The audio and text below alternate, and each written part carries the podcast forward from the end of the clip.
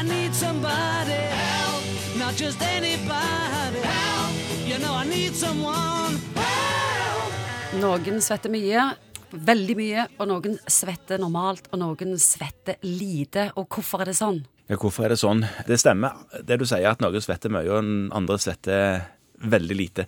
Når jeg er på trening, så er det et par personer der. Så står de med et apparat, og de må rett og slett hen og vaske det ned. Ja, ja. De, de, svetter så mye at jeg er fascinert. Ja, ja nå, nå er du liksom inne på hensikten med svetting. For grunnen til at vi svetter, er jo for å redusere kroppstemperaturen. For det er når du er på treningssenteret som du var, så bruker du musklene, og musklene er motorer, og alle motorer, bensinmotorer, dieselmotorer, elektriske motorer og menneskemotorer, altså musklene, er ikke perfekte. Det vil si at de lager ikke bare bevegelse, de lager òg veldig mye varme. Mest varme, faktisk. Og da må de redusere temperaturen, det gjør de på forskjellige måter, bl.a. å lage kroppsoverflaten fuktig. Så derfor svetter altså fyren du så på treningssenteret. Og han svetter mye, antagelig fordi han er veldig varm.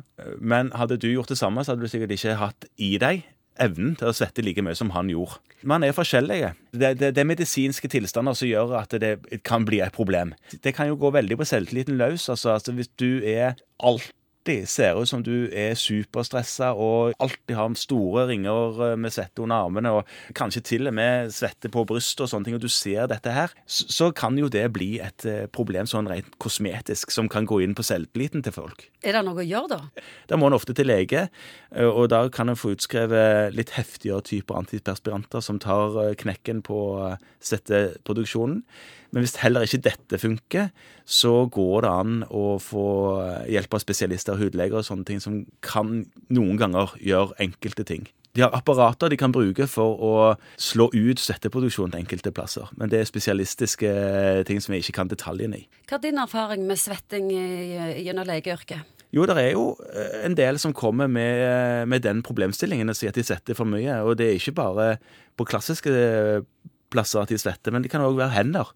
At de rett og slett blir fuktige i hendene veldig fort. Og det kan, kan være kosmetisk utfordrende og kan, være, kan føle seg ekle og urenslige og sånne ting. Og, og, og det er en sånn typisk ting som, som kanskje en hudlege kan hjelpe til med.